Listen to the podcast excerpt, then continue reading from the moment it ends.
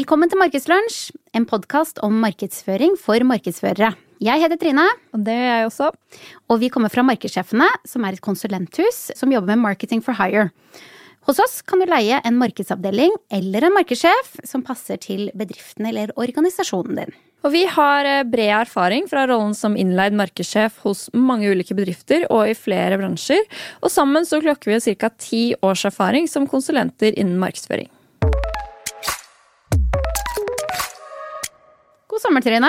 God sommer! Er du klar for eh, høsten? Jeg begynner å bli veldig klar for høsten, altså. Og sesong tre av Markedslunsj.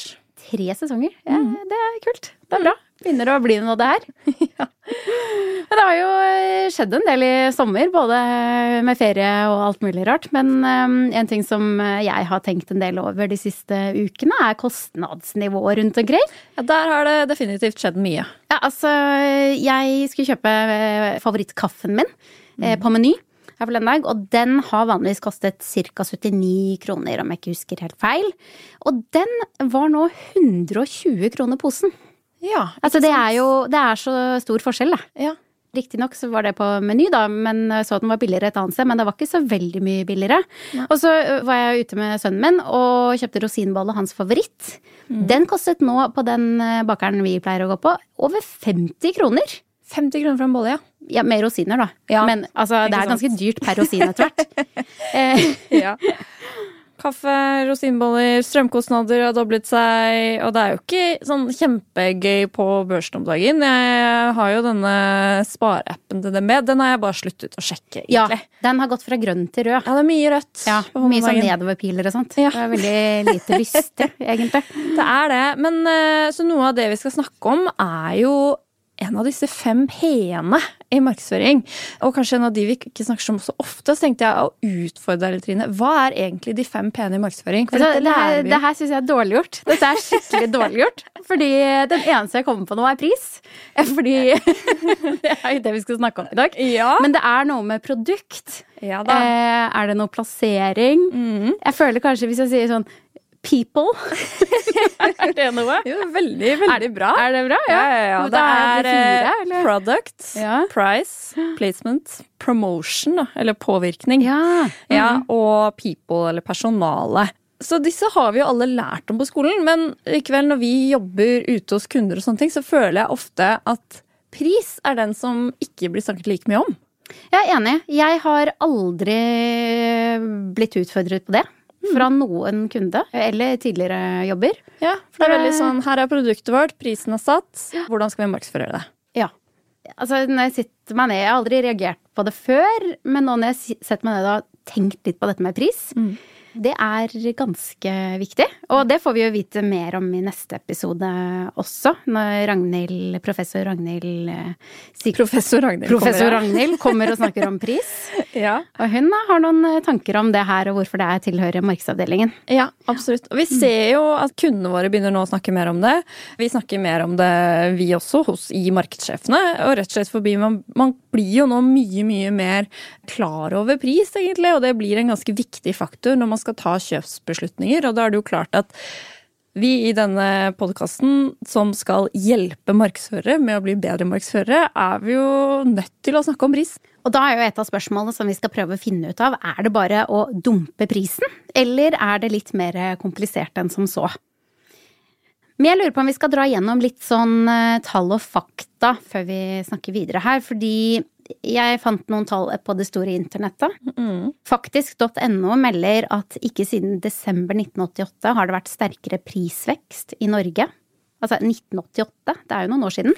Det er eh, noen år siden, ja. Ja, og eh, endringen i KPI, altså konsumprisindeksen, fra juli 2021 til juli 2022, altså på ett år, har vært 6,8 Ja, ikke sant? Og det her reduserer jo da selvfølgelig husholdningens kjøpekraft, bidrar da isolert sett til å dempe veksten i konsumet.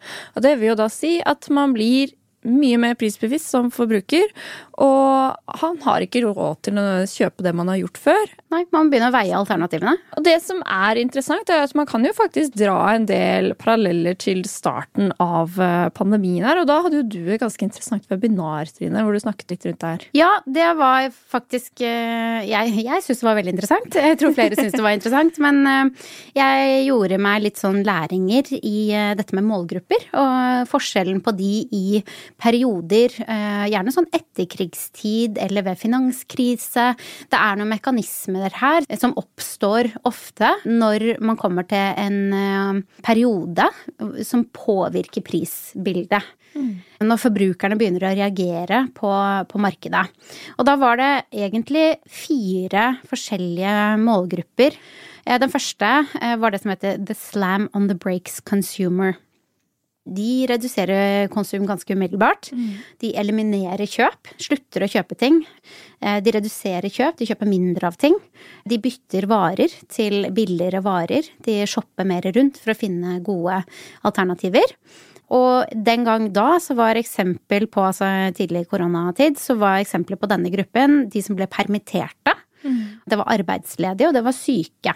Og det er vel egentlig det, det Slam on the break consumers. Det, den dag i dag også. Permitterte var jo sånn begrep vi brukte veldig mye den første tiden der. Så, men jeg vil jo tro at de som er permitterte eller arbeidsledige i dag også passer inn i denne gruppen. Og så har vi neste gruppe som heter uh, The Pained But Patient Consumer. Ganske fine navn her, syns jeg. Absolutt.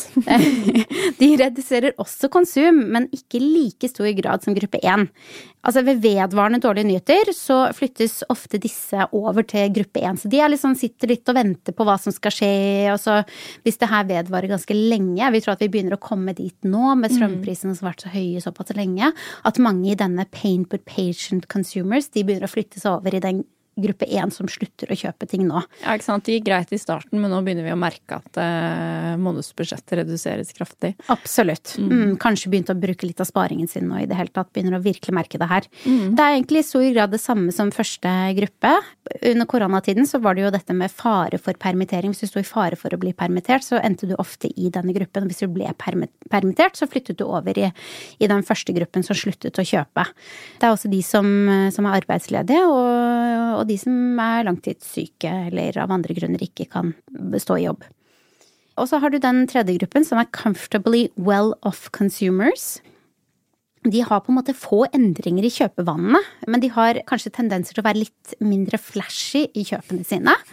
De er trygge på egen økonomi og ganske trygge på fremtidsutsiktene sine. Men kanskje ja. de ikke kjøper den der Mulberry-vesken eller de Prada-skoene, da.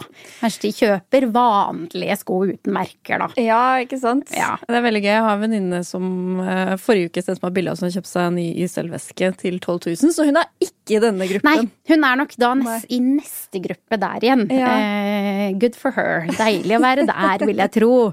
Offentlig ansatte ansatte i bransjer med vekst, og pensjonister er ofte i denne comfortably well off consumers. De har ganske sånn etablert økonomi, og de, de har det i grunnen greit, men er litt sånn forsiktig, vil ikke mm. Jinxe det her, liksom. Nei, jeg skjønner. Nei.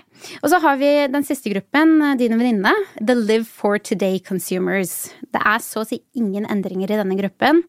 Og mm, de kan kanskje bruke litt lengre tid på å bestemme seg for de største innkjøpene. Mm. Skal de kjøpe den store, fine, nye leiligheten eller ikke? Kanskje de bruker litt lengre tid på det, eller de aller dyreste innkjøpene de gjør. Venter eh, noen uker ekstra. Mm. Og det er folk i stor grad uten økonomiske forpliktelser ja, som har det. Som er der. Mm. Så kan man liksom tenke ok, hvorfor bruker vi nå tid i denne podkasten på å gå gjennom disse fire gruppene, da? Det som er interessant, er at man da kanskje må ta et steg tilbake og se ok, min målgruppe, da. Hvilken gruppe er egentlig de i? Eh, yes. De produktene jeg selger, eh, hvilken målgruppe er de til? Og har målgruppen min kanskje flyttet seg fra én forgruppe brukergruppe til en annen? Må jeg nå gjøre noe med hvordan jeg kommuniserer? Må jeg gjøre noe med prisstrategien min, som vi skal diskutere mer eh, neste uke? Eller kan jeg bare fortsette sånn som jeg har gjort det nå? Yes, det er helt riktig. Og jeg syns en av de gruppene som er spesielt interessante, er the pain but patient consumers, altså de som kan fort uh, redusere kjøp, men ikke stopper helt. Mm. Men der har du et eksempel på um, at man bytter varer. Så hvis du er en bedrift som selger uh, premiumvarer, altså stabburet makrell i tomat. Mm. Kanskje du må tenke på om du kan må lage noen nye produkter som kan svare på et prisbilde som er et litt annet, hvis det er hovedmålgruppen din. Mm. Så det er en del sånne analyser du kan gjøre basert på denne kartleggingen her, og det er kjempeviktig. Det samme som du sier med kommunikasjon. Hvordan kommuniserer du ut i markedet hvis du ikke kan endre prisen din? Da må du begynne å jobbe med det her. Mm. Hvis primærmålgruppen din begynner å endre atferd. Men eh, veldig, veldig interessant. Og vi ser jo også selvfølgelig med kundene vi jobber med, at pris blir mye, mye mer aktuelt nå enn det det kanskje har vært eh, før. Jeg merker det veldig godt med en kunde jeg eh, jobber med, så har det Pris kommer stadig opp i på en måte ledermøter og i styremøter, og det blir enda flere som på en måte skal blande seg inn, da. Men er dette noe nytt? Er dette noe som har oppstått nå de siste ukene eller månedene, eller har det alltid vært sånn? Nei, det har oppstått eh, spesielt i det siste, og jeg tror det er fordi når man ser at inntektene kanskje synker, da, så blir jo på en måte automatisk reaksjon bare ok, men vi må gjøre noe med prisen. Ja. Vi, må, vi, må, enten dumpe prisen, fordi da kan vi selge mer og få inn flere inntekter, eller vi må se om vi kan på en måte heve prisen for å få mer for de færre varene vi selger enn det vi gjorde før, mm. og at det blir sett på som en veldig sånn enkelt verktøy å bare skru litt på, da, mm. i motsetning til andre ting ting som på en måte endring med produkter, lansering av nye produkter, sånne ting tar jo ofte mye lengre tid. Pris kan man jo i teorien endre fra en time til en annen. Mm, ja. Um, det er jo bare å skrive om tallet, på en måte. Ja. Men hva er egentlig konsekvensene ved å gjøre det? Det blir jo interessant å finne ut av. Mm. Fordi magefølelsen min sier at eh, det ikke nødvendigvis er så enkelt. At det kan være ganske skadelig for merkevaren din å mm. drive og øh, trikse og mikse med, med prisnivået ditt. Mm. Nei, absolutt. Det kan du nok gjøre, og det er nok noe med det å kunne ta det steget tilbake. Og det vi håper også i neste episode, hvor vi har med oss øh, Ragnhild Stilkose, hvor vi skal diskutere mer rundt dette med prisstrategier. Og rett og slett gi lytterne våre de verktøyene de trenger da når de skal inn i disse ledermøtene og styremøtene fremover så vi kan argumentere hvilken prisstrategi er det vi har, og hvordan skal vi eh, levere på det området fremover. Yes. Jeg har også en annen kunde som er, snakker en del om pris nå. De driver mye med anbud, og de taper en del av anbudene til konkurrenter fordi de priser seg litt høyere enn konkurrentene. Mm. Når man ser på innholdet, når de har sammenlignet hva de faktisk leverer, i disse anbudene, så er det De leverer mye bedre kvalitet, mye bedre leveranser, mye mer helhetlige leveranser, men prisen avviker. Og det også er jo et sånn interessant spørsmål. Hvordan skal man jobbe i den type prosesser? Mm. Jeg har ikke svaret på det, men det er vel noe med en prisstrategi der også, mm. tenker jeg. Og få fram verdien i, hva, i leveransen din, og, og, jobbe litt med den kommunikasjonen rundt det. Ja, altså igjen da, kjenne målgruppen du selger til. Er disse ekstra verdiene faktisk verdt den ekstra prisen, eller tenker de det at ja, men det her andre leverandør eller produktet er godt nok og bedre pris, så da går vi heller for det? Ja, veldig, veldig godt spørsmål, egentlig. Mm. Så det blir eh, det er gøy å følge den type prosesser. Men det er flere som da begynner å banke litt på hos oss og spørre hva, hva gjør vi nå? Mm. Prisen, det er et eller annet som skjer her nå. Ja. så eh, hvis det er noen der ute som også kjenner på det, så eh, send oss gjerne en melding og fortell oss hvordan det er. Vi er interessert i å høre hvordan dere opplever det her. Mm.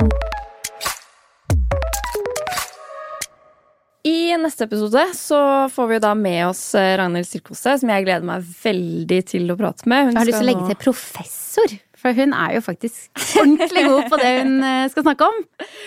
Det er hun. Hun er professor ved BI og ved Universitetet i Tromsø. Og er ekspert på prisstrategi, så hun skal lære oss eh, alt vi trenger å vite. Vi har også lagt ut en veldig interessant artikkel på LinkedIn nå fra McKinsey og Company om eh, hvordan du kan tilpasse prisingen din nå til inflasjon og det som faktisk skjer i markedet. Den er basert på forskning som er gjort på det europeiske markedet, men du kan absolutt absolutt dra mange læringer der til det norske markedet, så den anbefaler jeg alle å lese. Så er det jo bare å eh, følge oss både på Spotify og på Apple Podcast hvis dere vil få med dere når den nyeste episoden kommer ut. Så er det vel bare å si takk for nå og på gjenhør, er det det man sier? På gjenhør. Ja. Ha det bra. Ha det.